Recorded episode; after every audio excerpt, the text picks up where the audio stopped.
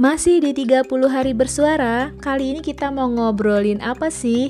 Kali ini kita mau cerita tentang persinggahan. Dalam perjalanan hidup setiap manusia, ada cerita cinta yang menghiasinya. Sobat podcast perlu tahu, seseorang dikirimkan dengan membawa cinta untuk masuk dalam hidup orang lain dengan dua alasan.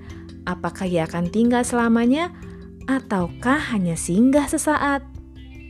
Hal yang paling gak enak saat cinta itu hanya jadi persinggahan sesaat, gak menetap. Tetapi kalau dipikir-pikir, memang awal dari sebuah hubungan dimulai dengan adanya perkenalan, lalu berusaha singgah, tetapi dalam segi positif ya. Nah, di sini proses yang diinginkan saat singgah adalah oleh setiap pasangan mempelajari sifat-sifat pasangan satu sama lain.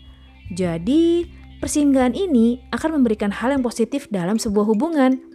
Jika kita memang benar-benar klik, nyambung dan nyaman, maka lambat laun hubungan cinta itu akan tumbuh dan menetap.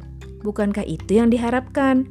Jadi, menurut Mila, nikmati saja saat persinggahan, karena akhirnya akan memberikan makna bahwa adanya rasa sayang dan cinta itu mengalir tanpa harus dipaksakan. Sahabat podcast, persinggahan kali ini dalam segi positif ya.